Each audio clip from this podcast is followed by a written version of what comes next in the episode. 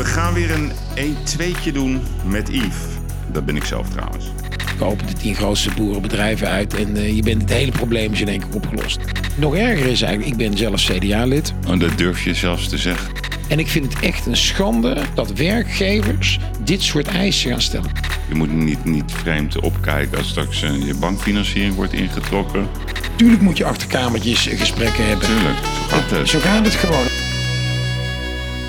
Lieve luisteraars, beste kapitaals. Welkom bij een nieuwe aflevering van de podcastserie Uitblinkers. En dat zijn voor mij nog steeds mannen en vrouwen die het verschil maken. En vorige week had ik, had ik de gast Demi de Zeeuw. Middenvelder, voetballer, u kent hem wel van Ajax en AZ, het Nederlandse elftal en het Russische Spartak Moskou. Maar veel mooier vond ik het eigenlijk om te zien hoe hij zich heeft ontwikkeld als ondernemer. Een prachtig eh, digitaal eh, mediabedrijf heeft hij, in de naam, met de naam One Hij is de man ook achter het kledingmerk Baller en het buitengewoon internationaal succesvolle Instagram-account 433. Een begrip in de voetbalwereld met maar liefst ja, 43 miljoen volgers, waaronder Cristiano Ronaldo. Heel knap gedaan. Het was een eh, genot om eh, te luisteren naar Demi de Zeeuw. Ik zou zeggen, luister het eh, een keer rustig nog een keer terug.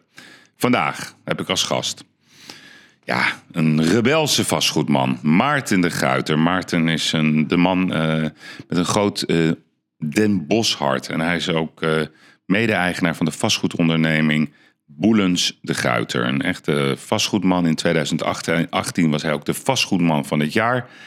Hij heeft een sociaal hart met zijn stichting Don. En hij maakt zich heel vaak en vooral erg druk over corona. Hij schrijft daar columns over. Hij eh, begeeft zich ook eh, op social media. In ieder geval een ondernemer die niet verlegen is in zijn mening. Ik ben heel benieuwd hoe hij de toekomst van bouwend Nederland ziet. De toekomst van de woningmarkt. Hoe zou hij dat aanpakken? En uiteraard heb ik nog meer vragen aan hem. Want hij heeft ook een groot CDA-hart. Ik zou zeggen, ga er rustig voor zitten. Ik ga in gesprek met Maarten de Guiter. Maarten de Guiter, welkom eh, in onze kerk hier. Dankjewel. Wat, ik zeg, wat, wat, jij vertelt me net dat jij voor Erik de Vlieger hebt gewerkt. Hoe, Ja. zit, hoe zit dat? Ja, ik, ik, heb, eh, ik ben ooit begonnen te werken eh, in de sport. Ik wilde heel graag in de sport werken. Dan werkte ik bij de Nederlandse skivereniging. En ehm, heb ik drie jaar gezeten als commercieel eh, medewerker. En op een gegeven moment werd ik eh, gevraagd eh, door Tom van Oosten. Tom van Oosten was de directeur bij, eh, bij IMCA. Ja, En die waren ehm, destijds hoofdsponsor van Haarlem. En eh, eh, ging het nieuwe eh, voetbalstadion bouwen. En zo zochten iemand die eigenlijk het commerciële gedeelte van die ontwikkeling ging doen. En, en die voetbalclub ook een beetje moest gaan helpen. Want dat was natuurlijk de belangrijkste huurder. En Ton en ik kennen elkaar al heel erg lang.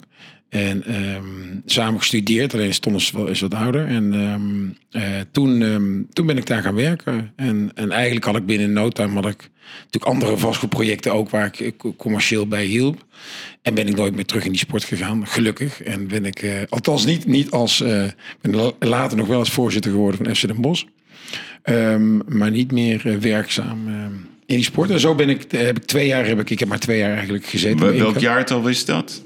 Eh, Oeh, dat is een goeie. Hm, wanneer zal dat geweest zijn? Ja, moet ergens eh, 14, begin 16, 2000. 18 jaar geleden, zeg maar, Ja. begin 2000. Ja, ja. En, en werkte je dan eh, op de Kingsfordweg, op Ja. dat eh megalomane gebouw Ja, van dat hun? afz- afzichtelijke Ja, pand. naast de Belastingdienst. Ja, ja naast de belasting is helemaal bovenin. Was, eh, was ook mooi. Was, dus Erik heeft dat toen, toen dat gebouwd werd, heeft hij ook een open haard in laten maken. ja, ik Alleen- weet er alles van. En liep je toen ook in zijn badjas rond af en toe? Ja, of kwam op blote voeten binnen. Ja, ja. Of, eh, ja, ja en wat, je, wat je natuurlijk merkt is dan, dat, dat, dat dan zat ik in een bespreking met, met iemand en dan kwam hij ineens binnen. En dat vonden mensen natuurlijk toch wel interessant, want hij was toen natuurlijk toch al wel heel erg in de media. Ja. Dus dat, dat, kon, dat kon zeker helpen, ja. En vond jij, dacht jij toen, eh, gek is dat? Of dacht Ja, je, zeker. Dat dacht ik zeker. En, Ja? en, eh, ja, ja, ja, ja, ja, ja, nee, absoluut. En ehm, ja, het, het mooie wel bij Imca was is dat er, eh, en dat zal zeker door Erik zijn gekomen, is dat het wel een bedrijf was wat altijd in, in kansen dacht. En eh, er was altijd wel heel veel mogelijk op, de, op, op, op, die, op die manier. Mm. Maar dus eigenlijk, jij bent, je komt niet uit een soort familie waar, waarbij het bedje gespreid was en de hele projecten klaar lagen. Mag ik jou typeren als self-made man? Eh, ja, nee. Dus ja, in de zin van dat eh, mijn familie komt er maar niet uit het vastgoed. Ehm, eh, Eh, maar, eh, dus ik heb dat, eh, mijn eigen bedrijf samen met mijn compagnon Harm Boelens hebben we echt samen opgezet en samen opgericht. Hebben dat zelf gefinancierd, et cetera. Eh, ehm, eh, maar aan de andere kant, ja, mijn vader was een succesvolle ondernemer. Wat, wat deed hij? hij zat in de halfgeleiderindustrie. Had een bedrijf in een bos en dat werd, heeft hij verkocht uiteindelijk aan aan een Duits bedrijf. En dat is uiteindelijk Bezi geworden, wat op de beurs. Oh, komt. ja. En ehm, eh, dus die was succesvol. Eh, daardoor ook wel natuurlijk een netwerk. Daardoor kon ik natuurlijk toch makkelijker bijvoorbeeld bij de bank binnenkomen. Eh, dus, dus ik vind het altijd lastig. ja, ik vind mezelf wel self-made. Mhm. Maar aan de andere kant heb ik ook wel heel veel ehm meegehad in mijn, in mijn jeugd en in mijn leven. Ja, dus je had een halve kruiwagen, laten we Ja, maar, precies, ja. laat het maar zo noemen. Ja. Kun je even duiden voor mij, waar, waar, waar, hoe heet jouw bedrijf? Gruiter Vastgoed? Boelens de Gruiter. Ja, Boelens de Gruit. Waar, waar, waar, staat dat bedrijf voor? Nou, Boelens de Gruiter is, is een bedrijf, wij eh, ontwikkelen door heel Nederland. We hebben op dit moment ongeveer 500.000 vierkante meter in ontwikkeling. Eh, daarvan is ongeveer 65% wonen. Daarnaast ontwikkelen we kantoren. Ongeveer 120.000 vierkante meter kantoren in ontwikkeling in Amsterdam. En ehm, eh, we doen het door heel Nederland. We hebben een kantoor in Amsterdam en in Den Bosch. Vanuit daar doen we Zuid-Nederland. We zitten tot en met in zijn logistiek in Kerkrade aan het ontwikkelen bijvoorbeeld. En ehm, eh, ehm, dat doen we met een team van 45 mensen in Amsterdam. Eh, een jong team. Eh, eh, hoog opgeleid, eh, met name veel mensen van de TU. En belangrijk bij ons centraal staat uiteindelijk de gebruiker en de mensen die in dat, in dat gebouw moet wonen, moet leven, de mensen die eromheen wonen. Dus daar zijn we altijd erg mee, mee bezig. Onze, onze catchphrase, hoe dat dan ook heet, is ook Building for Humans. Dat is uiteindelijk waar het om gaat. Zo kijken wij bijvoorbeeld, als je naar, naar duurzaamheid kijkt of innovatie, zeggen wij ook dat zijn middelen.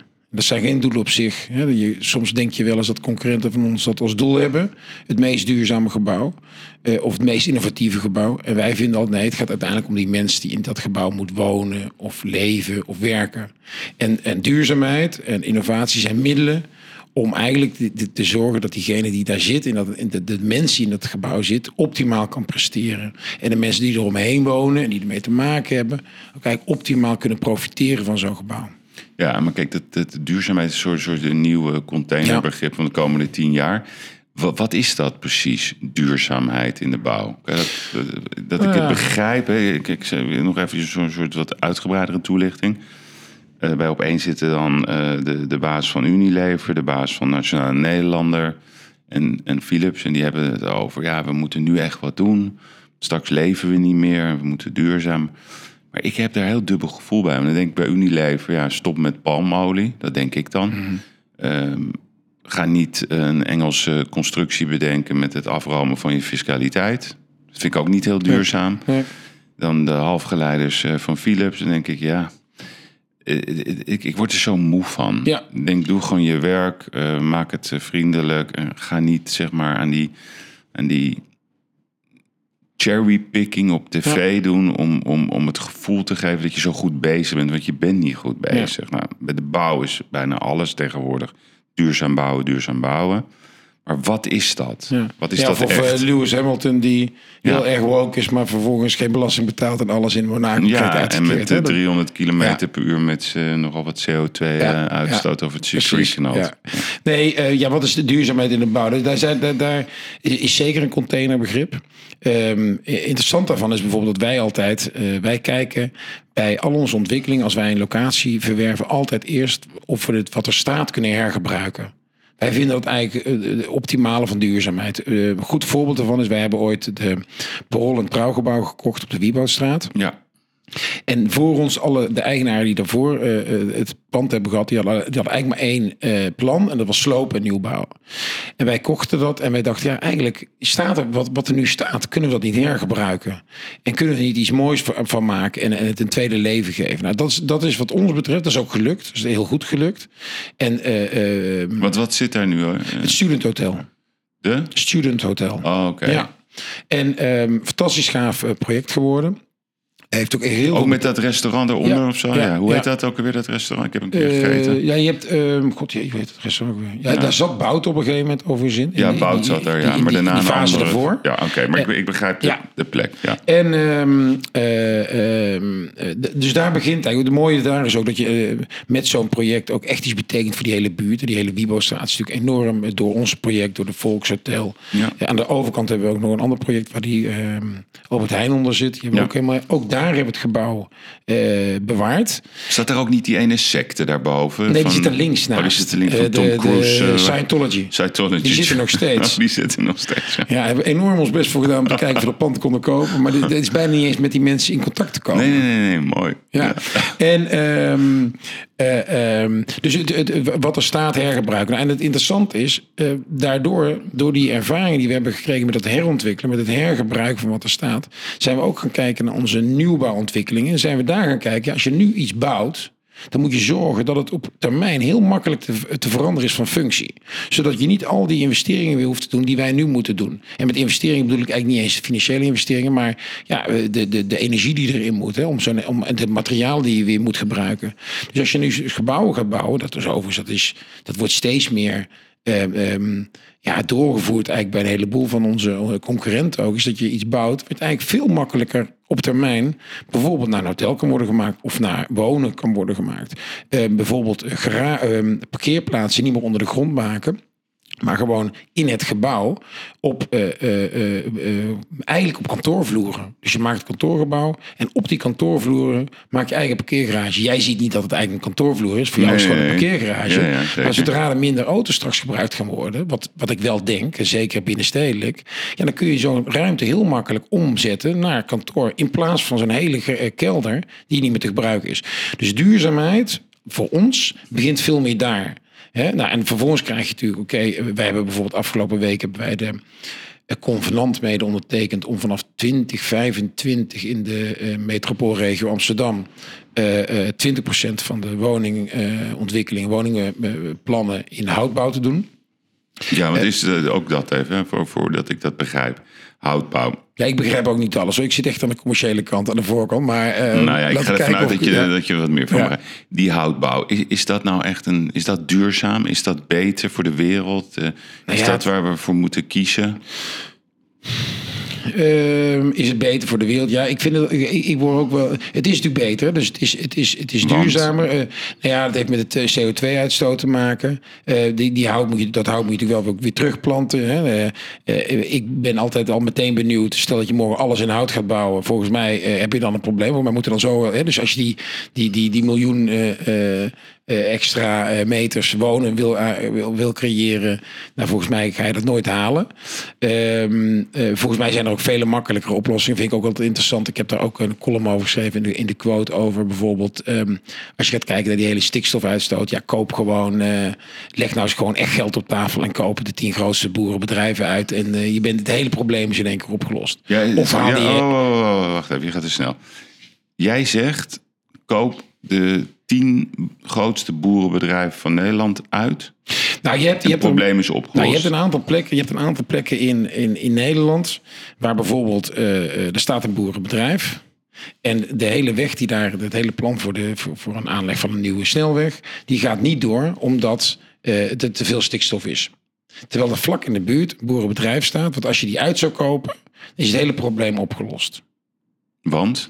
Ja, omdat die, de, die stikstofuitstoot zo groot is van het bedrijf, dat dat eh, eh, eh, gecompenseerd wordt op het moment dat je die uitkoopt. Ja.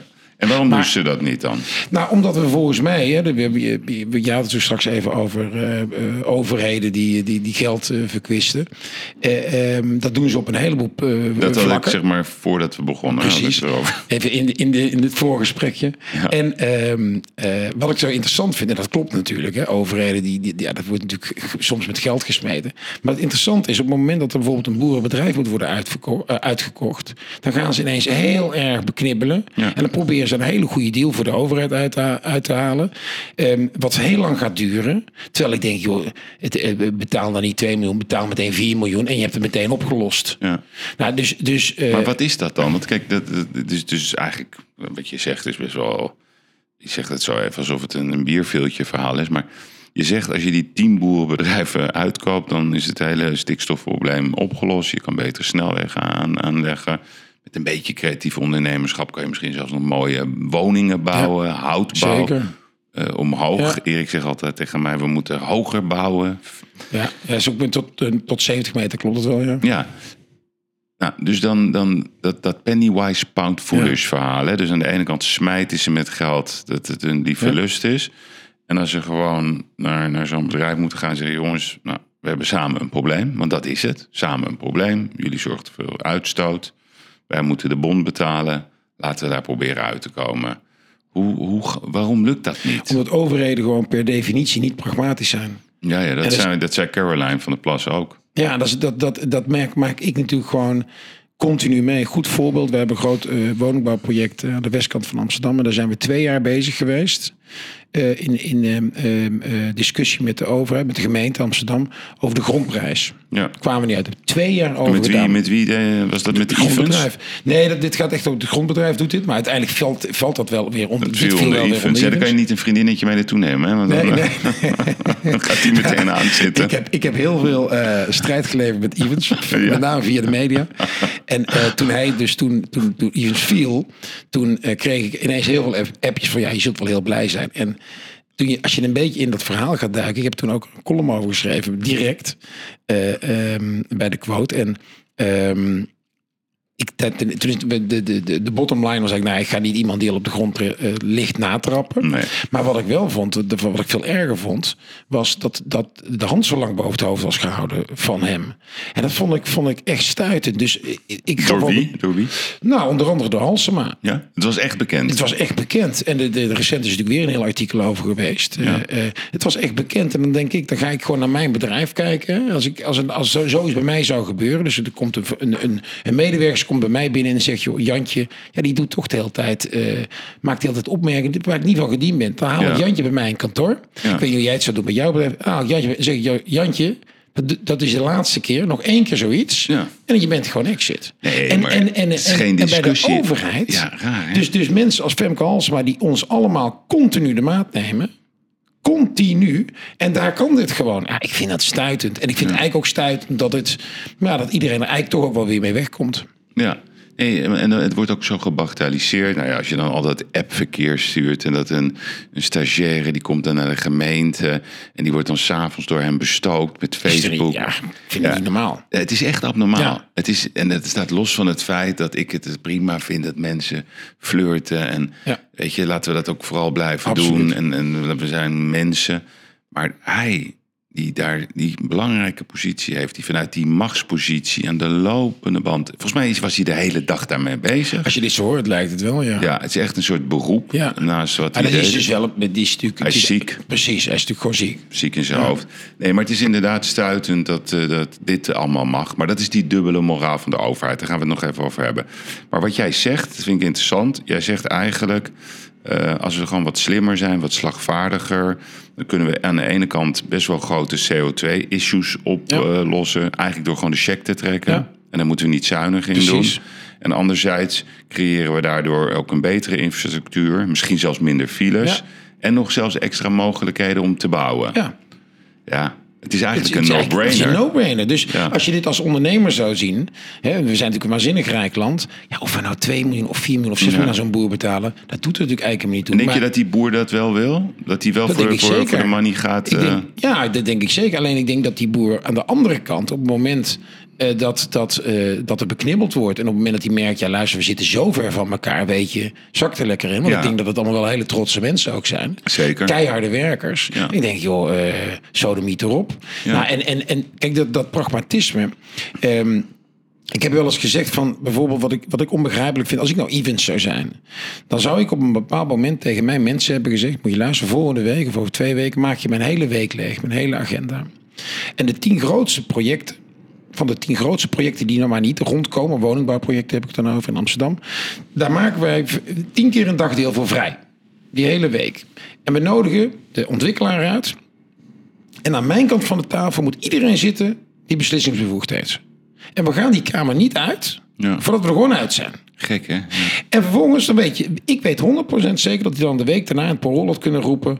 Vijf projecten, eh, 10.000 woningen, zijn gewoon geregeld door mij. En dat gebeurt gewoon niet. Het begint natuurlijk al mee dat die mensen niet met mij, eigenlijk, eigenlijk willen ze natuurlijk niet met mij geassocieerd worden, willen eigenlijk niet met mij aan de tafel. Want vastgoed is, uh, over containerbegrippen gesproken, het is alle, vastgoed is één groot containerbegrip.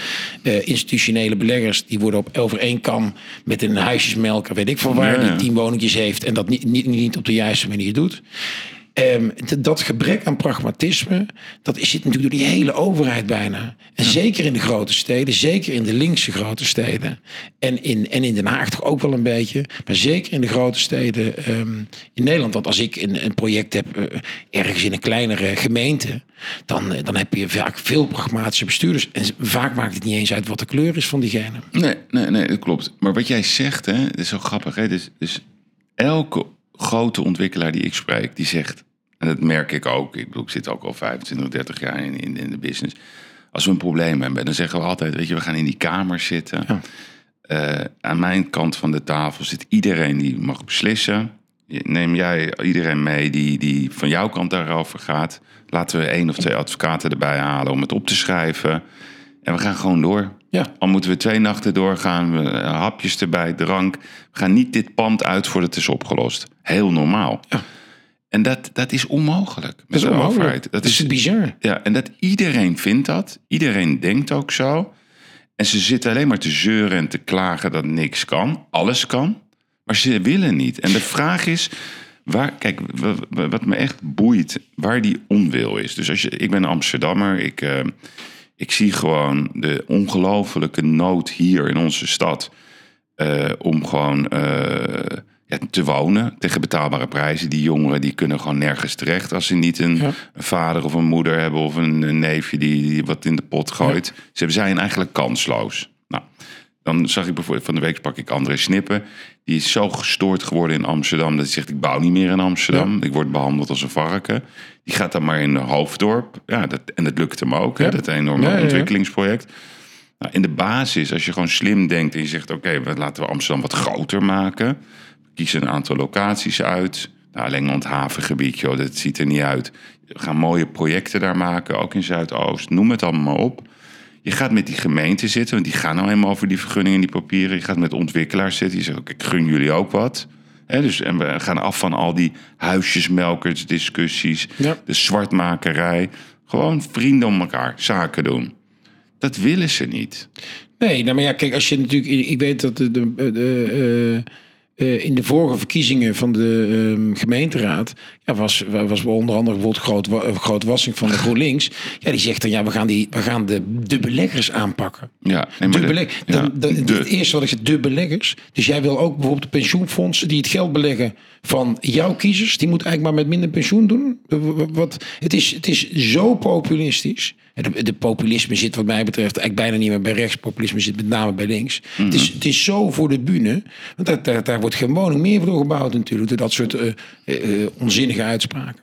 Nee, maar kijk, je ziet het nu in Amsterdam. eh, dus zeg maar de aanwezigheid van GroenLinks. De stad wordt er geen centimeter beter op. Gewoon Nee, niet. Tijdens nee. corona begon in maart. Nou, we zijn nu anderhalf jaar verder.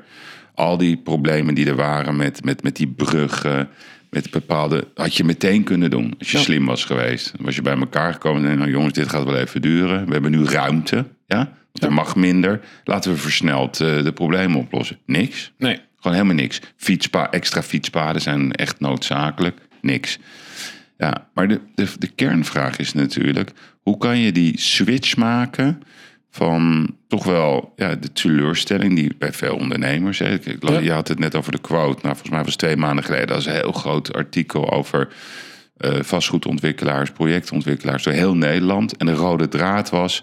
Ja, we komen er niet uit. Nee. We krijgen geen vergunningen. Het is alleen maar papier. Iedereen zegt Ja. het.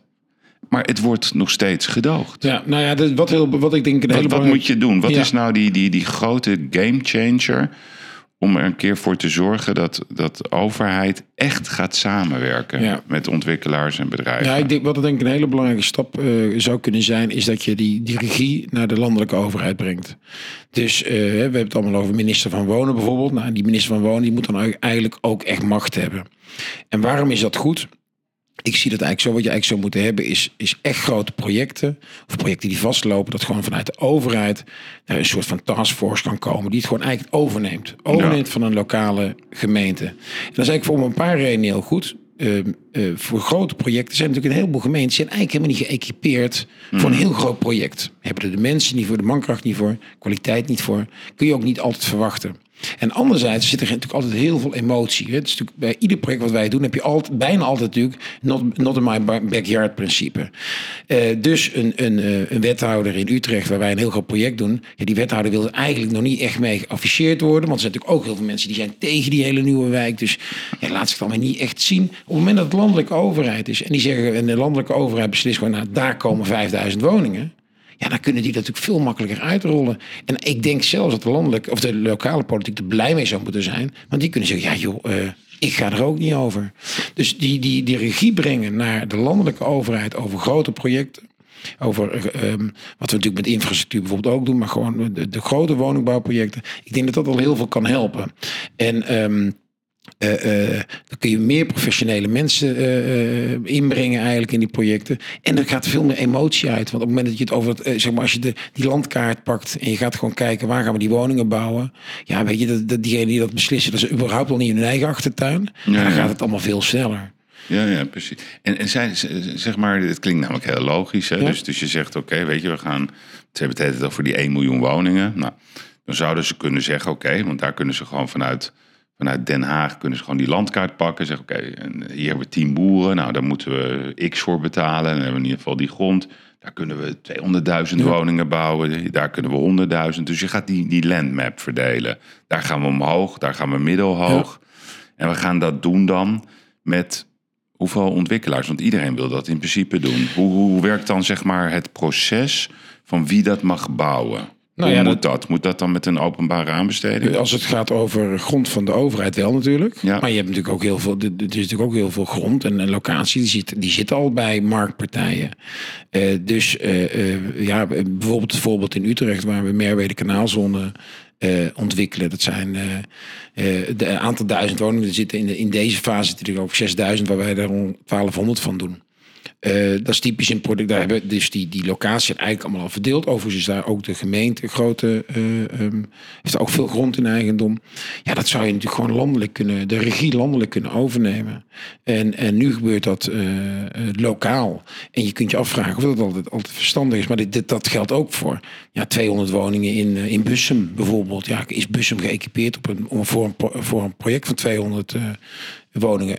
Zeker gezien het feit dat we natuurlijk, ja, de inmenging van de overheid in ieder bouwproject is gigantisch natuurlijk. Hè. Dus uh, um, tot welk niveau een, een overheden meebeslissen over, een, uh, uh, over een, um, het uiterlijk ook van een gebouw. Dat is natuurlijk ook, ja, gaat heel erg ver. Ja, ja, Projecten waarbij wij zes, zeven, acht keer terug moeten naar een welstand. Ja, is dat wat je wil? Is dat, is dat wat, wat je als, als mensen nodig hebt, terwijl je nu gewoon snelheid nodig hebt? En is het dan van belang of nou net die, ja, dat ene dat dakkapelletje zo staat of zo ja, staat? Het is verschrikkelijk. Dat gaat natuurlijk heel ver. Wij als mensen en maar helemaal niet wij zien dat überhaupt nee, maar iedereen, ik, ik heb ook een keer meegegaan op de Kusenstraat, een pand ging over, over een dakconstructie en dat was dan 30 centimeter te lang of zo. Ja, ik bedoel, ja, je ja, bedenkt, het duurde weer drie maanden. Exact. Ja, nee, maar goed, dat is verschrikkelijk. Maar is het niet een beter idee om te zeggen uh, dat, dat er een directeur wonen Nederland moet komen? Ja, dat, nou ja. dat je er gewoon, um, want kijk, je wilt toch de, de allerbeste hebben. Pragmatische denkers, zoals jij dat noemt.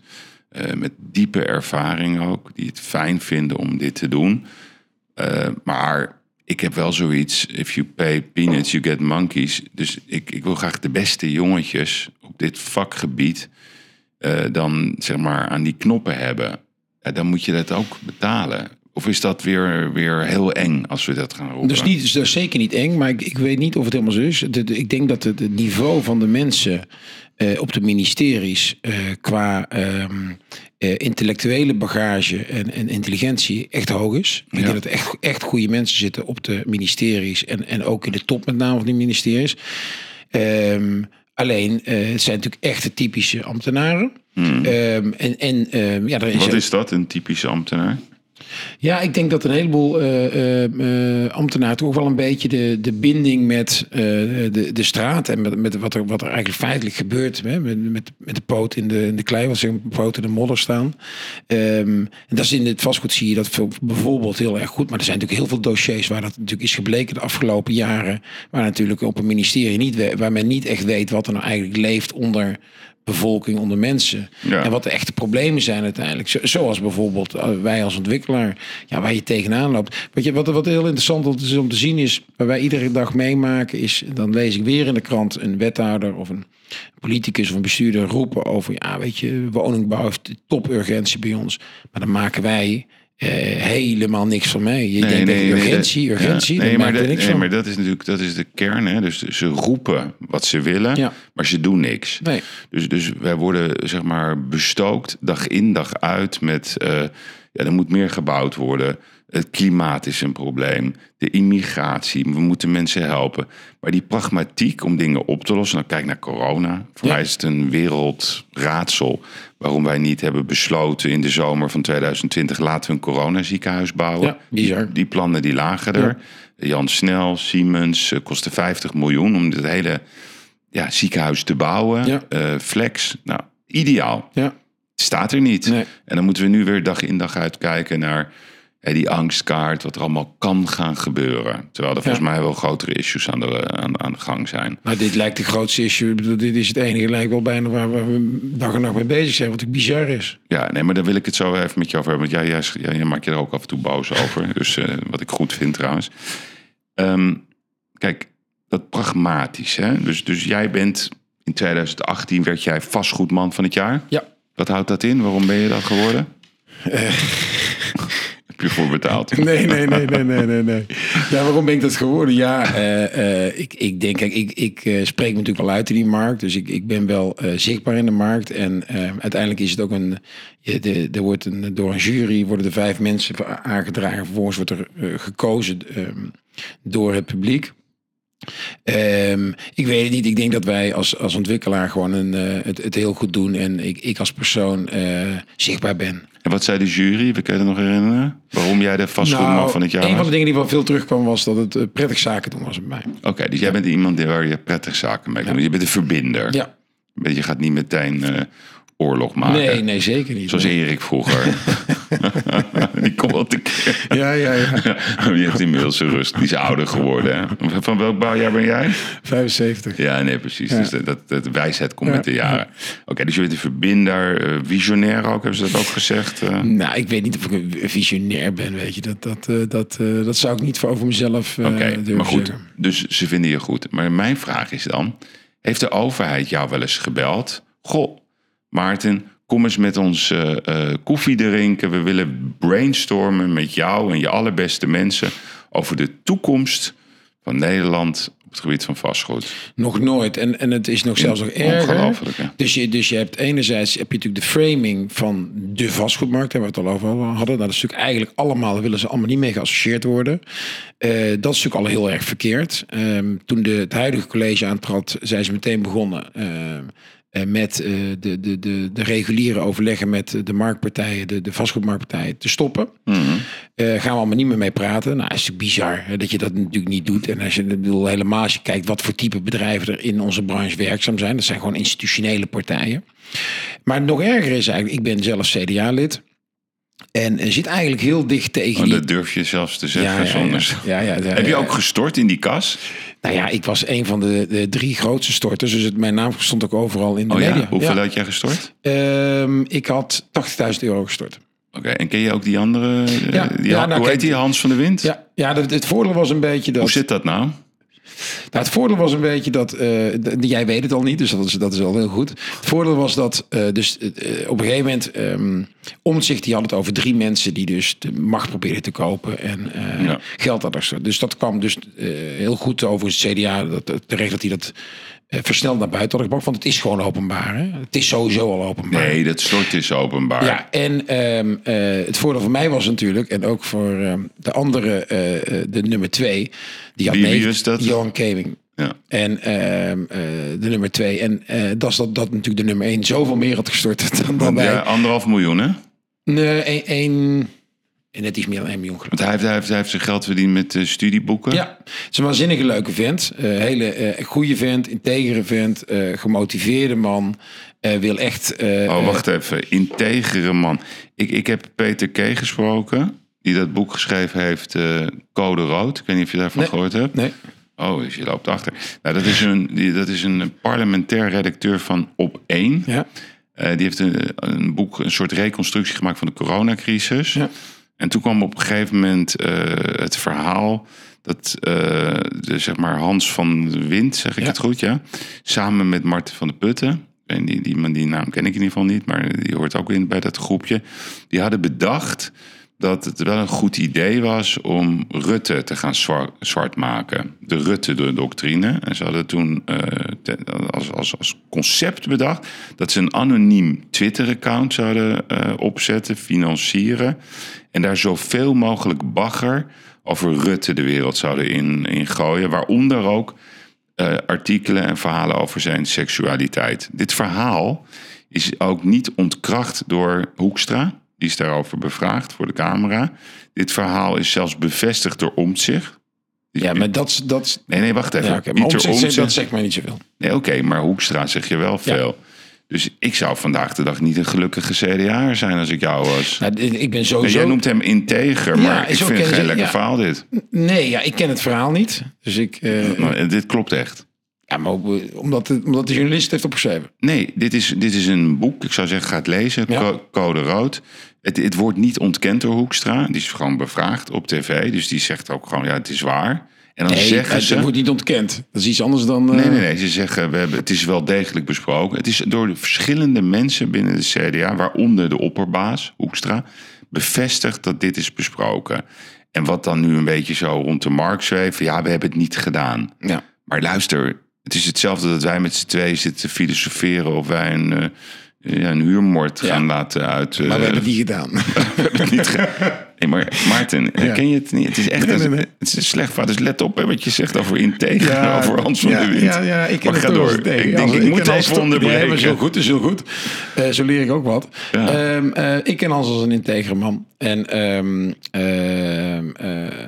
kijk, die, die, Je gaat die- er bijna van stotteren. Nee, ik zit even te kijken waar we, welke lijn we nou zaten. Ik zit even na te Nee, want het was heel rustig tot nu toe. Ja, En ja. Ik liet je met rust en toen begon je over de integer. toen, weet je, toen dacht je, nee, nu heb ik hem. Nee, ehm, nou, ik ben zeker geen gelukkige CDA, want het is natuurlijk op meerdere fronten gaat. Goed, ik vind het heel erg spijtig dat. eh, ik heb daar deze, de, de quote van deze maand ook een eh, column over geschreven. Ik vind het heel erg spijtig dat ze eh, Mona Keizer hebben laten gaan. Ja, Ik vind het. ehm, waarom denk je? ja, ik, eh, wat ik denk en wat ik natuurlijk weet. ehm, Ja, wat weet je? Nou, nee, dat, dat, dat, dat zijn ook dingen die ik niet eh, eh, eh, zou willen delen. Ehm, Oh. eh, maar wat ik wel vind, is dat. nou ja, kijk, het, het zou natuurlijk kunnen dat, dat de positie van haar onhoudbaar is. Maar ik, ik ben wel van mening dat het, eh, al was het maar vanuit, een, eh, vanuit de opportuniteit, eh, je als CDA moet zeggen: luister, Rutte, wat je ook doet, je pakt er maar aan, maar ontslagen gaat ze gewoon nooit worden. Hmm. Want dat is je tweede stemmentrekker, die vervolgens via de achterdeur vertrekt, hè, verdwijnt van het CDA. Ja. En dat dus vanuit opportunisme vind ik het heel erg onverstandig van het CDA dat dit zo gegaan is. Daarnaast, ehm, eh, zeg maar, ik persoonlijk, ik vind Mona Keijzer vind ik gewoon een hele eh, goede politicus in de zin dat zij, zij verwoordt wel heel erg sterk van mijn, mijn mening. Ja. Dus, dus op, op heel veel gebied. Ze zit natuurlijk ook wel echt aan die rechterkant van het CDA. Nou, daar zit ik zelf ook. Ehm, eh, dus ik vind het ook heel jammer. Maar- zij was de enige natuurlijk. Als ik, ik, ik, ik, ik zie zo voor me dat zij zo een van de echt hele weinigen was in dat hele kabinet. Die af en toe zei van ja, maar jongens, waar zijn we mee bezig? Nee, maar dat is het. Kijk, dus, dus dan heb je... Ik ben ook Mona. Ja, dus van Ja. ik ben sowieso... eh, mensen uit Volendam, die hebben mij Ja, altijd drie, drie streepjes voor. Die, dat zijn werkers, Ja. eh, boots on the ground. Eh, daar kan je afspraken mee maken. Ik zou zeggen tegen heel politiek Den Haag... eens een weekje stage lopen in Volendam. En dan leer je wat. Ga, ga gewoon werken daar. En dan heb je zo'n Mona Keizer... die ook nog eens uit een ondernemersfamilie komt... Ze zag er ook nog het mooiste uit. Ja. Dus ik bedoel, eh, ik Ja. vond dat zij by far het mooiste Ja. jurk had Ja, op Prinsjesdag. ja, Dat is ook nog leuk. Ze is rustig. Ze schopt niet, ze trapt niet. Ehm, ze praat ook nog eens de taal van het volk. En dan hebben ze weer iets en dan wordt ze ontslagen. Dan zeg ik, want jij, jij zit een beetje die CDA er helemaal in te prijzen. Nee, helemaal niet. Ja, dan denk ik, ja, wat is er aan de hand met dat CDA? Het begint een beetje een eng, eng bolwerk te worden. Dus de goede mensen, die worden eigenlijk kalt gesteld. Mona. Ik denk dat Pieter Omzicht, ik ben niet enthousiast over Omzicht als leider, wel als controleur. Hij zou eigenlijk de baas van de Belastingdienst moeten worden, op een aardige manier.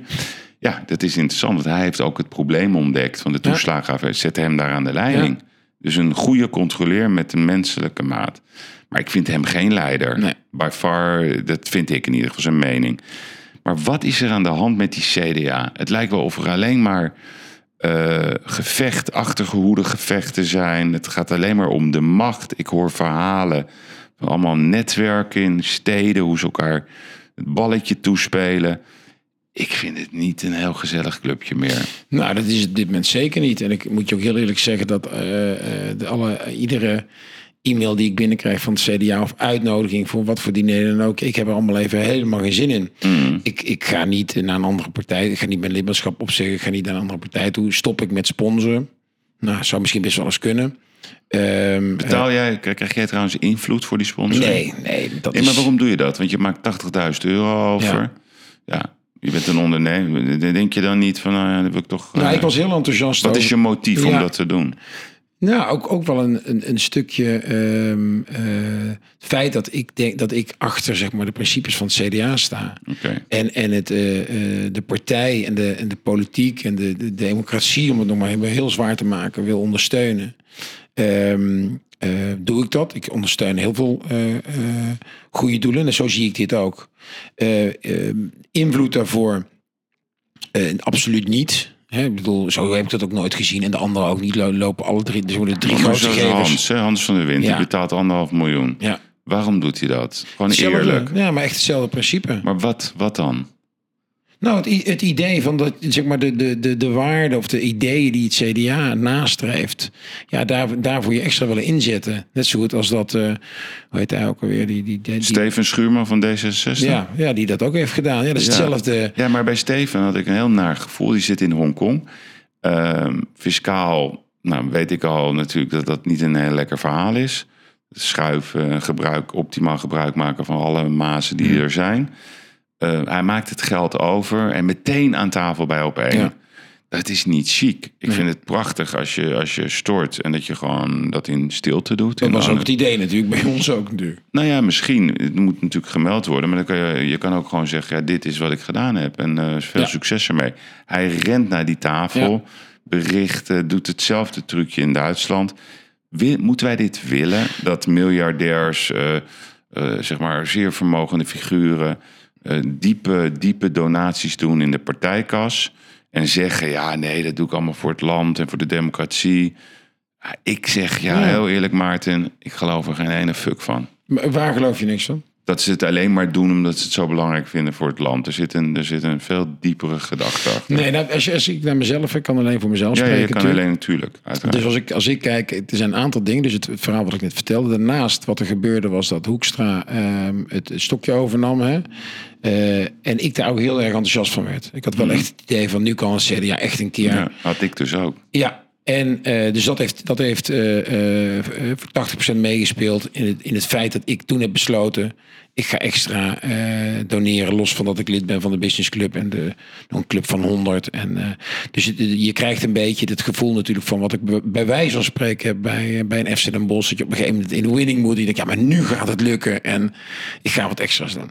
Dus, dus dat is het zeker, maar dat, het staat heel ver af van ik doe dat, want ik koop dat met invloed.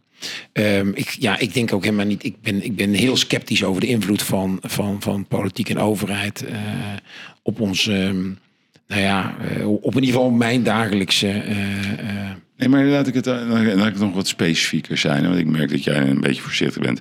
Cor van Zadelhof. Natuurlijk in Amsterdam een gigant. Ja? Vroeger was de makelaar, maar soms had hij ook nog een pandje dan in beheer. En dat ging dan uiteindelijk naar hemzelf toe. Charismatische man. Hij heeft werkelijk waar ingangen op elk level. hij is ook een man, eh, Maarten, die natuurlijk gebruik maakt van zijn, zijn netwerken bij het CDA. Er zijn wel degelijk. V- bij de VVD, hè? Cor zit helemaal Ja, maar ook CDA. Hij heeft goede entrees ook bij de CDA. En je ziet vaak dat eh, als er dus bijvoorbeeld een kerk vrijkomt in een bepaalde stad. Ja, dat zijn natuurlijk prachtige objecten om te kopen en te ontwikkelen. Ja, daar word je niet ongelukkig van. Het is gewoon wel een feit dat, dat er heel veel wordt geaast op de objecten. Die zijn eigenlijk eigendom van de staat of van de gemeente. Dan is het wel handig dat je dat je, je netwerk hebt. Nee, dan kijk, al- alles wat... Dat, dat zeg jij dat, dat dat ik dat echt gewoon. Dat is niet Ja. waar. Nee, dus, dus, de- dus, dus alles wat vastgoed sowieso is wat eh, overheden verkopen. Ja, In ieder, geval, in ieder geval wel de laatste 15 jaar of zo. Ja. Hè? Dat we gaat allemaal daarvoor, via nee, tenderprocedures. daarvoor niet. Nou ja, dan kan ik dit, Dat zijn de mooiste boeken. Ja, precies. Was wel Eh, gezellig toen. hè? Ja, ja, ik heb er eh, niet van mee kunnen profiteren helaas. Nee, nee, nee. Maar, Nee, ehm, toen liepen ze echt met tassen geld af en toe s'avonds naar een parkeerplaats. Ja. Ja, nu is natuurlijk alles doorgeschoten in, in, in transparantie. Ja. Maar, ehm, eh, eh, dus dat gaat allemaal via tenderprocedures, waarbij je gewoon, ja, de, de, de, de, heeft de ingang helemaal geen zin. Kijk, eh, ehm, ja, wil je processen sneller laten lopen? Hel- Helpt het dan dat je de wethouder kent of vast? Hè, vast. Maar ga, kom, ga jij, koop ik met mijn 80.000 euro sneller Invloed, ja. Nee, dat geloof ik Ja, echt niet. nee, maar wat, het is wel een interessant thema. Kijk, want aan de ene kant zeggen wij. eh, ik zeg dan even we, hè, omdat ik dat namelijk ook vind. eh, we willen graag een meer flexibele overheid. Ja. Snellere processen, zaken doen, met elkaar aan tafel zitten. Nou, you name it. Dan is het wel handig als een wethouder denkt van... hé, hey, ik heb hier in Den Bosch bijvoorbeeld, ik heb een probleem. Eh, ik ga Maarten bellen. Ja. Dat is een bossenaar, die kent dit gebied, die is goed in zijn vak, die is trots omdat hij het hier mag doen. Ik bel even met die directeur wonen. Ik zeg, joh, je moet Maarten bellen. Nou, jij denkt, hé, hey, te gek. Ik stap in de auto, ik ga gelijk naar de tafel. Je neemt je advocaten mee. De, de mensen, je gaat aan tafel zitten en gaat het oplossen. En dan is weer de volgende vraag. Is dit dan grijs gebied? Dat is dus de hele tijd die dans. Terwijl jij bent blij, want Ja. je mag dat doen en je gaat er iets moois van maken. Er moet ook nog iemand bereid zijn die dat gaat doen, want jij neemt wel de risico's. Dus Ja. je legt wel je bal op het hakblok. Zij zijn weer blij, overheid, dat er iets moois gaat komen, want ze weten wie je bent. En dan is er weer iemand anders. Ja, wij zijn niet gebeld Ja, zo, kijk, deze methode, hoe ik dit benoem, zo gaat het wel in, ja, in de nieuwe landen. hè. tuurlijk. Dan bellen ze en dan hebben we niet al dat gezeik. Ja, maar de vraag is ook of... eh, de, de, de, Dus we vertrouwen elkaar niet. Nee, maar de hele interessante vraag is ook of, of de transparantie niet veel, hè, te veel te ver doorslaat. En wat, daardoor... wat vind jij? Nou ja, we hadden, we hadden toen straks over pragmatisme bijvoorbeeld. Hoe krijg je pragmatisme terug? Eh, een van de dingen wat ik wel denk, is dat, de, de, de, dat iedereen is zo bang geworden op een gegeven moment. Ja. En de transparantie moet zo ver door worden gedreven. Hè? De, de hele discussie eh, over politiek, over achterkamerspolitiek. Tuurlijk moet je achterkamertjes gesprekken hebben. Tuurlijk, zo gaat het. Zo gaat het gewoon. Natuurlijk Ja. moet je buiten de camera's een keer kunnen zeggen... joh, ik geef jou een beetje dit, geef jij mij een beetje Ja. dat. Komen we alle twee Zo voor de camera. toch. Zo werkt het. Of ik word helemaal knettergek van dat wijf. Of wat een, Precies, precies. bloedzuiger. maar die, maar die, die, die, die doorgeslagen transparantie, Totaal, die, die helpt ook helemaal niet. Nou, en, en dat is het. Dat, eh, sterker nog, of ze nog even terugkomen op die eh, koop je macht. Ik denk nog dat het andersom is. Door die doorgeslagen transparantie. Dat die wethouder eerder denkt, nou, ik ga niet Maarten bellen. Want dat zou, dat zou mensen alleen maar denken van, ja, zie je wel. Ja, dus in, in, in Breda zeg je, ik ga niet uit Aalborg bellen. Of in Amsterdam, ja, dat is een wat langere lijst. In Rotterdam, idem dito. Nee, ik doe dat juist niet. Dus dan kom je een beetje in die wereld van GroenLinks. Ja. En dan krijg je dus een een of andere idioot die, eh, die zo'n project gaat... eh, Nou ja, dit- dat, het gebeurt dus. Je hebt die, kijk, die, ik vind, die, ik vind dit, dat je vanuit de overheid zoveel mogelijk met tenders doet, vind ik heel goed. Weet je, iedereen moet die nee, kans tenders krijgen. zijn goed. Ja. Maar Eh, het moet ook sneller, die Het tender. moet veel sneller. Ja, Ja. maar wij, aan de ene kant willen wij snelheid. Eh, Maar als we aan de andere kant ook eh, extreme transparantie willen, ja, dat gaat bijna volgens mij gaat dat bijna sowieso niet bij, bij elkaar. Ik, ga hem, ik wil hem toch samenvatten. Ehm, dus dus ik, ik, ik ben dan nu even die, die man van de overheid. Ik zeg aan Maarten, weet je, los het maar op. Vat het dan even nu voor mij samen, wat we hebben besproken. Dus we gaan, we gaan naar een nieuwe eh, situatie in Ja. Nederland. Laten we zeggen januari 2023. We gaan echt veel bouwen. Ja. We gaan duurzaam bouwen. We gaan het leuk, we gaan het gezellig maken. En ik zeg tegen jou, ga jij dat maar in orde maken. Wat, wat is dan de sleutel? Ja, we hebben nog de tijd. Eh, ze luisteren ook mee eh, naar deze podcast, Ja, dat weet ik ook. Ja, nee, maar dat is goed. Wat is dan de sleutel om, om een nieuw, flexibel, professioneel, snel, vrolijk bouwen Nederland neer te zetten? Ja, de, de, de begint op hoofdlijnen. Ja, ja nou, er, zijn, er zijn een aantal dingen. Dus je, je hebt enerzijds heb je eh, vanuit de overheid, en dat is met name vanuit zeg maar, de, de, de, de- het ambtenarenapparaat, zijn de processen. En De processen moeten veel korter en die moeten ook niet op, opvolgend zijn, maar die moeten eigenlijk tegelijkertijd. Je moet zoveel mogelijk processen in het, in het hele ontwikkeltraject, hè, het bestemmingstraject, moet je eigenlijk zoveel mogelijk eh, eh, evenwijdig kunnen laten lopen. Op hetzelfde moment moet je als politiek eh, en dat is echt een politiek verhaal. Wat je nu eigenlijk krijgt is eh, in, in iedere gemeente, dan krijg je ook weer, dan heb je weer het verhaal van de gemeentes die aan het roer staan, de lokale politiek, is het stapelen van alle ambities. Dus wat krijg je? Kijk, in iedere gemeente zitten ongeveer alle partijen in, de, in het college. Ja. Dus eh, de VVD die wil zoveel mogelijk parkeerplaatsen in het project. GroenLinks wil dat het zo duurzaam mogelijk is. De PvdA wil dat het eh, hele goedkope woningen, maar wel zo groot mogelijk moeten zijn. Dus er komt op een gegeven moment een soort van potpourri die ze aan mij geven als ontwikkelaar. Zeg, ja, zo moet het worden. Dit zijn de eisen. En dan zeg ik, ja, dat gaat nooit Nee, uitkomen. zoek het maar uit. Nou, dat, betekent dat dat het project er nooit gaat komen? Jawel. Maar nadat we twee jaar bezig zijn om met elkaar te onderhandelen en, te, en uit te leggen, dit kom- kan niet. Dus je moet, nee, maar je moet dus je moet dus als, als politiek moet je de, de daad veel meer bij het woord voegen. In de zin van wij zijn ervoor om veel meer woningen te bouwen. Dan moet je ook veel sneller met elkaar eh, knopen doorhakken. Wat willen we nou wel en wat willen we niet? En ik, heb, ik, ik zat in een programma dat ging over, eh, over die woningbouw bij WNL. En eh, toen had ik als voorbeeld had ik ze meegenomen naar een project in eh, Deventer. Een grote locatie die verkocht werd.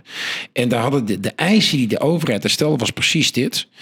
Een ongelooflijke hoeveelheid van een stapeling van ambities.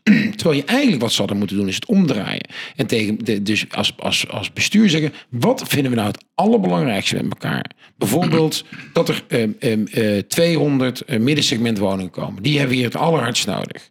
En vervolgens ga je terug naar die markt en zeg je, moet je luisteren. Dit is wat ik sowieso wil. Wat heb je nou nodig in je project om dit rond te kunnen maken? Nee, maar dat begrijp ik. De, de analyse ben ik nu voorbij.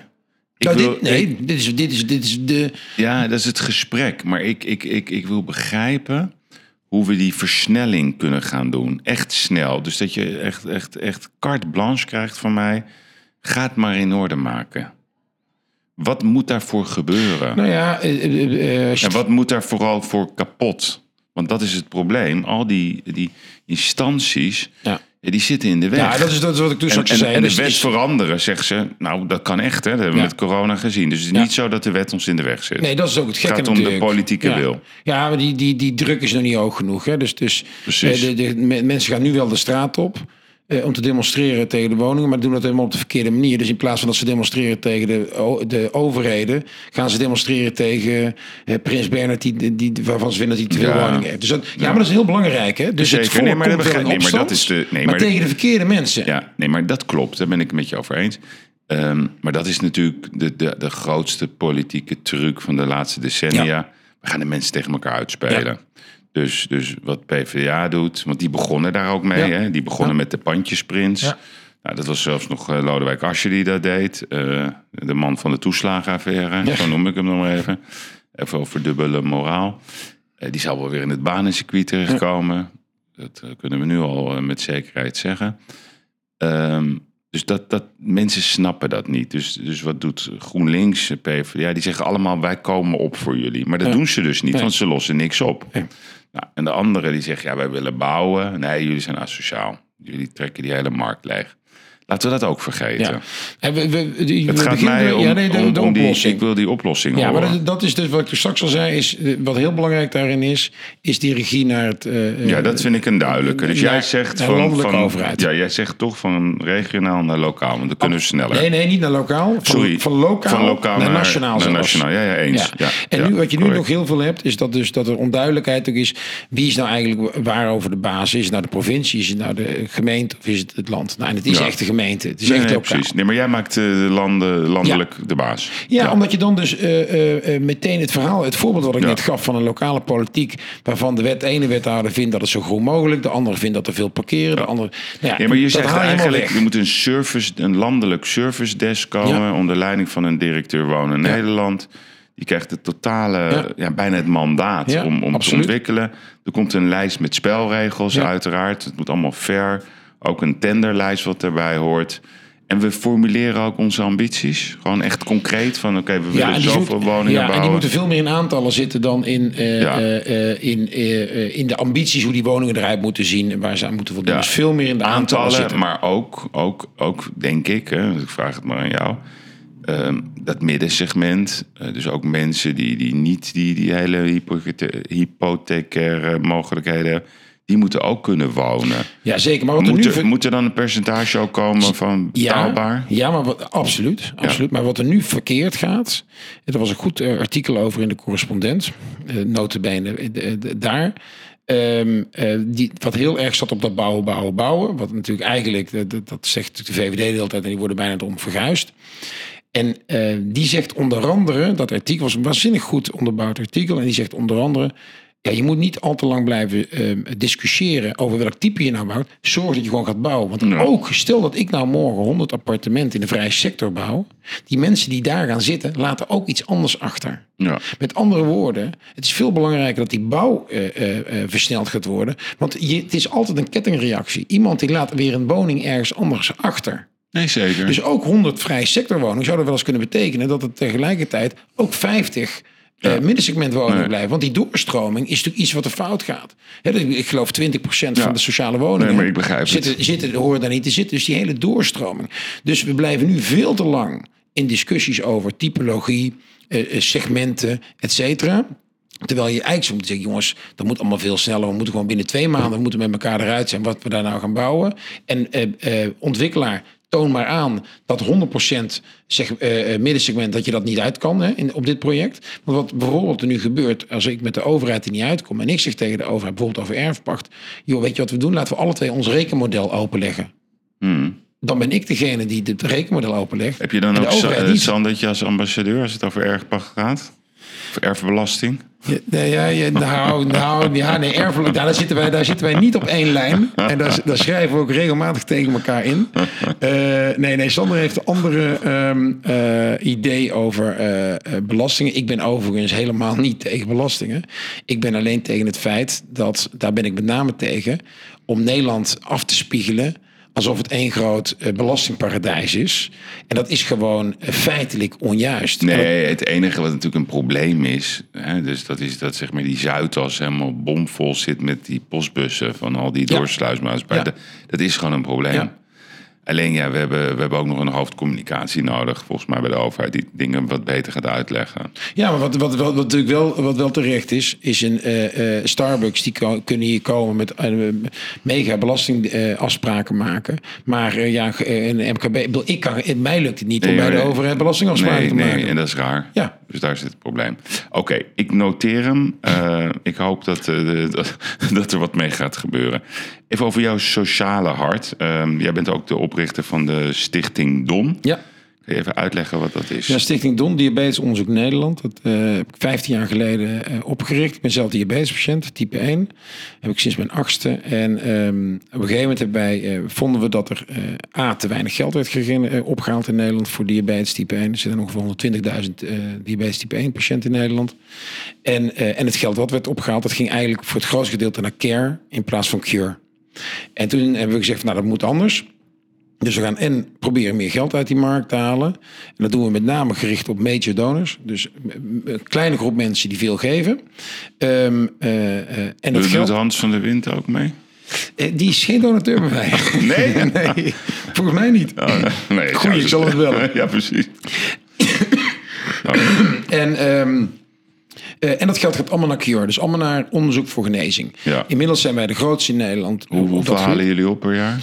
Ehm, we halen ongeveer een anderhalf miljoen euro op ongeveer. En daar doen jullie onderzoek mee. Doen we onderzoek. Ja, er onderzoek in Nederland, in, België hebben we onderzoek lopen, we hebben in Israël onderzoek lopen. Dus dat is eh, eh, eigenlijk zeggen we ook van ja, het hoeft niet in Nederland te zijn dat onderzoek. Ja. Gelukkig hebben we heel goed onderzoek in Nederland. Ehm, maar dat gewoon waar wij het beste onderzoek kunnen vinden, daar gaan we vol in. En, en hoeveel eh diabetische patiënten hebben we in Nederland? 120.000. Ja. En hoe kan het dat zeg maar, eh, zeg maar die groep relatief hard getroffen werd door corona? Eh, nou, Dat klopt toch of niet? Nee, nou de, de groep die, kijk, het, eh, eh, als type, type 1 patiënt is een auto-immuunziekte, ben je sowieso bevattelijker voor een heleboel eh, Mhm. ziektes. Ik krijg ook ieder jaar de griepprik of dat soort dingen. Dus eh, ehm, eh, alleen de groep die met name getroffen is, zijn type 2 eh, eh, eh, patiënten. En dat is? En dat is echt een andere ziekte. Ja, dat is dat. Dus diabetes type 2 is, is, is een, een- toch een beetje een welvaartsziekte. Dat is een, Ja, ja. een ziekte die heeft met name te maken met hoe, de manier waarop je leeft. Hè? En hoe je eet? En hoe je eet. Dus daar zit heel veel obesitas bijvoorbeeld in. Maar dat is echt, Ja. dat is een totaal andere ziekte. Ja, ja. En die is natuurlijk, die werd natuurlijk hard getroffen door, door de griep. de ja. coronagriep. Ja, en, en dus, dus aan de ene kant, hè, dus, dus je bent eh, ook omdat je zelf eh, getroffen bent door deze ziekte, pak je ook gewoon je sociale verantwoordelijkheid, meer onderzoek, waardoor we een gezonder leven hebben. Aan de andere kant viel mij op dat je nogal fel was eh, op social media in je columns over het coronabeleid. Wat, waar kwam dat vandaan? Nou, ik, ben, ik heb maart vorig jaar, dus toen het eigenlijk net allemaal in Nederland begon, ben ik er als eerste over geschreven. Ehm, eh, en ehm, het ging, was eigenlijk tweeledig. Dus waar ik mij eh, enorm over opwond, was enerzijds het feit dat ik vond dat het, eh, wat we deden totaal verkeerd was. Ehm, dus, dus iedereen in een, in een lockdown, in plaats van zorgen dat de, de, mensen die getroffen kunnen worden, dat je die mensen eigenlijk isoleert en, en, en helpt. En aan de andere kant maakte ik me druk om het feit dat, als het, dat mensen die dat zeiden, verguisd werden. En wat ik toen over me heen kreeg, vond ik echt bizar. Ja, ja, Vond ik bizar Of hoe dat... het is eigenlijk diep triest. Het is diep triest. Ja. En, ehm, en, En ook- van wie kreeg je het over je heen? ja, nou, ik moet wel zeggen, ik ben, eh, daar ben ik dan ook, eh, hoe moet ik dat zeggen, eh ijdel voor. Of hoe, ik weet niet hoe je dat moet omschrijven. Maar dus ik, ik, ik, ik zo'n column plaats ik dan op LinkedIn en dan krijg je bij spreken 300 eh, reacties. En ehm eh, 280 eh, zijn het met me eens. En, maar ik richt, ik richt me dan helemaal op die 20 Ja, maar dat heeft iedereen. Nou ja, en, ehm, eh, maar daar zaten reacties bij. En LinkedIn is natuurlijk, ja, daar kun je zo zien wie het Ja, is. ja, dat is niet anoniem, nee, niet anoniem. precies. Maar dat mensen zo fel werden. Maar wat zeiden ze dan? Eh, het gaat nu even niet om jouw geld, maar dat is dan de, me- de meest aardige eh, eh, reactie. En dan probeer ik uit te leggen, mijn geld, het gaat om, luister, in alle eerlijkheid, die, die, die hele economie kan instorten. En ik, ik zorg er wel, ik heb echt wel een boterham Ja. te eten. Ja, ja, nee, maar maar dat- het gaat er, het heeft er niets mee te maken. Het En- lijkt wel of, of, of ze, zeg maar, want ik ga er ook dan over nadenken. Het leek wel of decennia lang opgekopte frustratie in één keer eruit kwam. Van ja, Ja. nu wij, wij mogen nu gewoon die deuren sluiten. Is het ook niet gewoon handel? Dat weet je, die, die, al die mediapartijen die, die, die pijn niet voelen, die zitten Ja. gewoon elke dag aan tafel, wat Ja. toch het publieke beeld heeft. Dat mensen die daar zitten, ja. Het is niet, het, eh, vorige, eh, afgelopen week, ik, ik kan het ook niet meer, ik kan het niet meer zien. Hè. Ik Nee. heb al twee jaar geen op één. Of, maar dan zap je daar langs en dan zit daar weer op Oosterhuis Ja. en Hugo de Jonge. Ik denk, Ja. mensen, Rot kinderen, op, rot, rot. is het niet normaal? Ja, nee, maar dat Maar is, als je de, twee dagen geleden op eh, nu.nl, want nu.nl heeft al twee jaar lang de alle de, van de vijf eerste nieuwsitems zijn er minimaal twee van over, corona. Daar word je toch helemaal scheidsziek van. Maar wat staat daar? Er staat dus grote kop meer, ehm, ehm, eh, hoe heet het? Ehm, besmettingen. Ja. En, maar in datzelfde artikeltje lees je dus dat eh, op de IC zes mensen minder lagen. Ja. drie dagen geleden. Dus je kunt, die kop kan, zou ook kunnen zijn. er zijn minder mensen minder op mensen op die IC. Nee, maar dat, dat doen we niet. Kijk, Nee. worden, het is, Nee, maar dat is het is gewoon... een angstcultuur. Dat is Ja. niet te geloven. Nee, maar dat is gewoon, ja, weet je, slecht nieuws. Ja, dat, goed nieuws is geen nieuws. Dat is gewoon een soort algemene religie van mediabazen. Dat is ook bewezen. Dus dat is heel erg als je erover nadenkt. Dus als je kijkt naar de algoritmes. ehm, Ja. wat doet het nou beter qua gedrag van de, van de mm, bezoeker? Slecht nieuws. Ja. Ja, ja, ja. Mensen zijn daar verzot op. Echtscheidingen, eh, drama's. eh, je, je wilt het allemaal niet weten. Ja, pak maar de krant. Van vandaag, van morgen, van gisteren, van volgende week.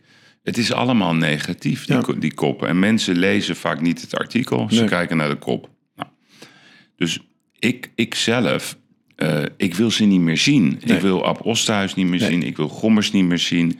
Ik wil Kuipers niet meer zien. Ik wil ze allemaal niet meer zien. We kennen het verhaal nu. Ja. Ga gewoon oplossen. Ja. Maar dat willen ze niet. Ze willen iedere dag op die tv. Ja, dat is verslaving.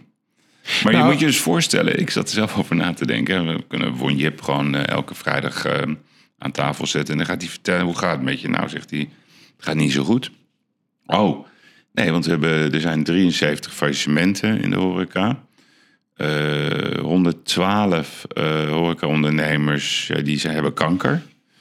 Eh 212 eh horeca-ondernemers die hebben mensen moeten ontslaan.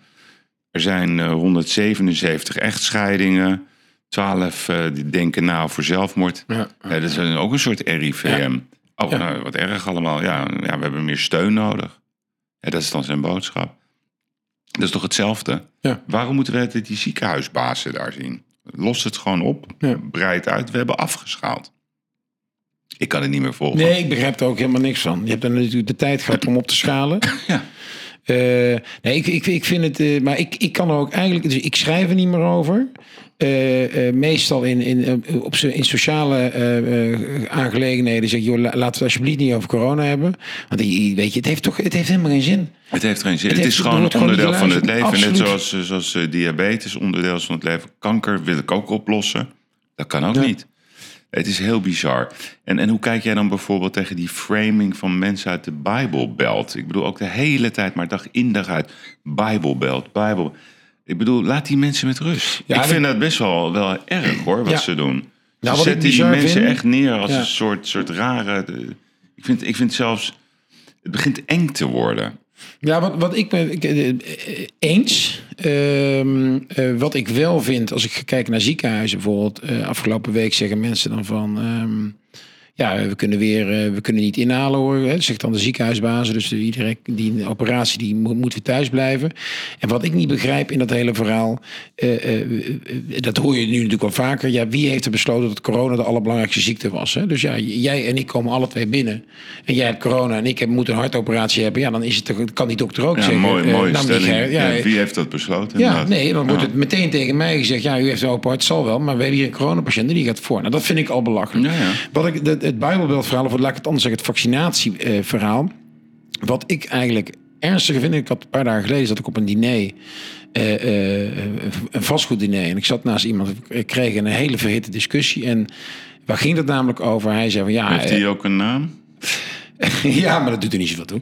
En ehm, diegene zei van... ehm, eh, het ging erover dus werknemers. Hè, van, eh, ja, nee, maar mijn werk, als die niet gevaccineerd zijn... nou, dan kunnen ze thuis blijven. En ik werd daar heel boos op. Want ik zei van ja... eh, ehm, ik eh, als werkgever heb er niets mee te maken.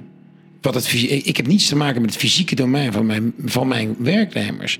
Ik ga niet alleen niet vragen of ze gevaccineerd zijn. Ik ga ook niet vragen of ze een test hebben gedaan. Ik ga ervan uit van de eigen verantwoordelijkheid van mijn mensen. Net zo goed dat als ze koorts hebben en, eh, en een griep hebben... dat ze ook niet naar kantoor komen. En ik vind het echt een schande dat wij het normaal gaan vinden nu...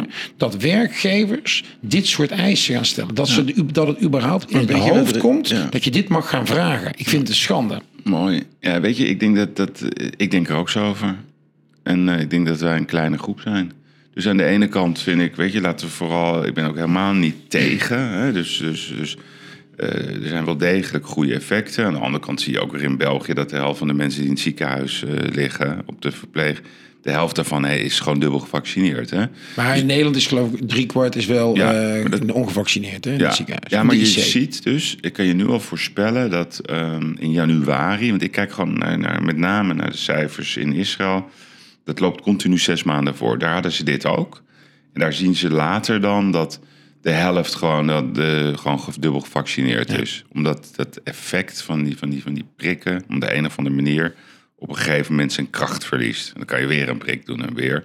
Terwijl de natuurlijke immuniteit, wordt ook bevestigd, is eigenlijk beter. Ja. Maar dat mag je niet zeggen, want Dan komt er zo'n OMT-mannetje, ook weer een paar keer gezien. Die gaat dan zeggen, oh ja, maar... Dus jij wilt niet die mensen redden. Dan gaat hij ook over de persoon. ja. Ja, maar het is een krankzinnige film. En iedereen die trapt erin. Nou, jij, jij hoort denk ik bij een hele kleine groep. eh, die, die gewoon heel realistisch gewoon kijkt. En eh, menselijke verantwoordelijkheid. Nou, je bijna straks krijg je nog te horen dat je asociaal bent. Ja. Je moet niet, niet vreemd opkijken als straks eh, je bankfinanciering wordt ingetrokken. Het zou zomaar kunnen. en je lacht erom. Wat doe je dan als dat gebeurt? Bel ik jou op. Oké, heel goed. Goeie, dat is het goede antwoord. Dan ben ik jou heel blij. Ja, ja het is opmerkelijk. Nou, ik, ik vind... eh, eh, ik vond het mooi wat je zei net. Dat, wie heeft bepaald dat corona de nummer één ziekte is? Ja. Dat vind ik een hele goeie. dat is toch belachelijk? Ja, dat is perfect. Maar eh, als je gaat kijken, dus ik, ik, die, die, eh, die vaccinatie, hè, dus eh, ik ben dus eigenlijk primair, ben, dus ik ben helemaal niet tegen vaccineren. Ik ben zelf gevaccineerd. Ehm eh, ehm, eh, anderzijds, dus ik geloof ook wel in het, ik geloof wel in het nut vooralsnog van vaccineren. Ehm, eh, maar ik vind ook dat mensen die gezond zijn, die nooit op een IC zullen belanden, die hoef je hem niet te vaccineren. Nee, maar die moeten dat Maar- zelf. Weet je, Ja, die moeten dat zelf. Nee, maar wacht even. Wacht Maar even. waarom Dus- moeten wij dat bepalen? Nee, voor maar helemaal mensen? eens. Maar, dus wat, maar even dus over het beleid vanuit de overheid. Dus er is formeel geen dwang. Nee. Nou, ik, vind, ik heb vier dochters. Ik vind dat mijn kinderen, en er zijn er twee van eh, puber, pubers. Dus eentje 14, eentje is 17. Eh, ik vind dat die niet gevaccineerd moeten worden. Mhm. Ehm, eh, eh, die, worden niet, die gaan niet ziek worden. Eh, hoogstens twee dagen thuis op bed. Maar die gaan nooit op een IC belanden. Althans, dat zegt de data. Hè. Dat is gewoon een simpel kansberekening. En, maar wat gebeurt er nou? Nou, oké, dus zijn het wel met me eens. Maar nu krijgen we dus... Mijn dochters willen gevaccineerd worden. Eentje heeft al een, eh, de eerste prik gehad. En waarom? Niet omdat ze bang Nee, zijn voor het ze virus. nergens naartoe mogen. Ze mogen nergens doen. Dus die komen uit school. Nee, dus die dat dwa- hele groepje ja. kinderen gaat Ja. de McDonald's in. En zij kan niet mee. En ik mee. begrijp het. Ja, nee, maar dat Ik is... begrijp er. Maar het is, dat is gewoon dwang. Alleen dan anders verpakt. Ja. ja, het is wat, hè. Ik denk niet dat we dat vandaag gaan Nee. oplossen. Nee. Maarten, aan alles komt een einde. Ja. Ook aan deze podcast. zeg jij tegen mij van, er zijn nog wel een paar dingen waar ik op terug wil komen? Of ben ik iets vergeten aan je te vragen? Nee, nou we hebben het niet over de mooiste eh, voetbalclub van Nederland gehad. FC Den Bosch. Waar ik natuurlijk een warm hart voor heb. Waar ik eh aandeelhouder ben. ja, maar dat, laat ik, dat oordeel laat ik aan jou. Hoe zat het nou met die, met die, met die, gast, die, die Jordania? Ja, Die zoon, hè, was dat? Die zat Ja. toch in een bos kopen? ja, die zou een bos kopen. Ja, dat is natuurlijk ook een, dat is een interessant verhaal natuurlijk. En dat is, dat is typisch die, die voetbalwereld. En Maar Wat, hoe zat het dan echt? Nou ja, die man die had natuurlijk ook helemaal het geld niet. Maar toen hij binnenkwam, Nee. zei ik al intern. Ik zeg, joh, luister, volgens mij heeft die man überhaupt het geld niet. Ja, Nee. maar die is heel rijk. Ik zeg, nou, volgens mij helemaal niet. Nee. Maar hoe dan ook, willen we überhaupt zo iemand als, eh, als eigenaar van je club hebben? Nou, Ja. dat is ook, ook gebleken dat dat niet zo is. Ehm, maar, eh, eh, maar we hebben nu wel een hele mooie nieuwe aandeelhouder. Ik, ben zelf is dat? aandeelhouder. Een Amerikaanse partij die meerdere voetbalclubs heeft. Die alles op basis van data. Oh, ja, ja, Dus dat geloof ik in. Ik geloof ook. ik in. Ja. Eh, dat doet AZ ook heel goed. Ajax ook steeds meer. Maar jij hebt hoeveel procent van de aandelen? 10 procent hoor. 10 procent. Nou ja, dat is best serieus. Ja. Den Bosch, een mooie club, hè? Hele mooie club. Blauw-wit, toch? Ja, Dus ik zou zeggen, maak het eh, stadion lekker dicht op het veld. Hoe, Is al- is het al, hoeveel, is het hoeveel, al. hoeveel kunnen erin? ja, officieel volgens mij 8000, maar dat... eh, Dan moet groter, toch? nou, eerst maar eens een beetje gaan winnen. Ja, ja, ja, precies. Nee, maar ja, goed, alles kan, hè? Ik bedoel, als, je maar, eh, als je maar droomt, hè? Absoluut. En dan komen de Arabieren, die gaan dan, eh, die gaan dan weer een overbod doen. Ja. Verkopen jullie dan? Of doen jullie dit vanuit altruïstische redenen? Volledig. Ja? Ik geloof niet dat je aan een voetbalclub als FC de Bos geld kan verdienen. En wie was de grootste bossenaar aller tijden? Van Nistelrooy? Ja, by far. Ja, ja. En, en nummertje twee? Nummer Fred van der Hoorn. Ja? Ja. Zou die leuk vinden dat ik dat zeg? Nou ja, dat is heel mooi. Oké, dus ja, FC Den Bosch forever. Dat is een mooie, mooie manier om af te sluiten. Het gaat je goed. Ik hoop dat we wat gaan zien van, eh, van, de, van de grote bouwwens. Ja, om dat toch nog even te zeggen. Ik ben daar overigens dus heel erg negatief over. Ja, oké, dat is wel eerlijk. Ja. Ja. En omdat ze gewoon niet willen. Nee, omdat ik gewoon omdat ik merk dat nu al, al jaren. Weet je, Ja. wordt heel veel aan de voorkant Nee, je gezegd. kan het wel roepen en je kan Ja. eh, elke keer bij die handuitreiking. Maar jouw conclusie is, eh, ik ben daar negatief over. Ja. Nou, we gaan een podcast nooit negatief afsluiten. Dus eh, laten we vooral eh, de, de illusie koesteren dat het toch goed gaat komen. ja. Wonderen zijn de wereld nog niet uit. absoluut. Dus lieve luisteraars, dank voor, de luisteren, voor het luisteren. Dit was Maarten de Gruiter. Een, een, een grote vastgoedondernemer. Ook nog vastgoedman van het jaar in 2018. Zijn hart ligt bij FC Den Bosch. Vader van vier kinderen. Ja, golfen kan je een beetje, heb ik gezien. Ja, en ik heb 13. ja, het wel. is redelijk. Het is redelijk. Ja. Je bent in ieder geval heel enthousiast. En eh, ja, mooi wat je doet ook met de, met de, met de stichting Don. Nou, je boodschap is in ieder geval aangekomen. Ze ook in Den Haag of ze er wat mee gaan doen. Ach, we gaan het allemaal meemaken. Ik wens jou een goede week. Vrijdag ben ik er weer met, eh, met mijn vaste compaan eh, Erik de Vlieger. Maarten, moet ik nog iets vragen aan Erik? Nee, doe hem wel de groeten. Ik doe hem de groeten, maar Ja. of heb je iets wat ik niet weet van, vanuit de gekke periode bij IMCA?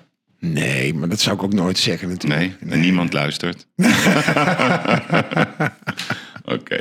Dit was, eh, dit was eh, de uitblinker van deze week. Maarten de Guiter. Volgende week een hele bijzondere uitblinker. U gaat het horen. Vrijdag ben ik er weer met Erik de Vlieger. Ik wens u een mooie week en tot vrijdag. Dank voor het luisteren.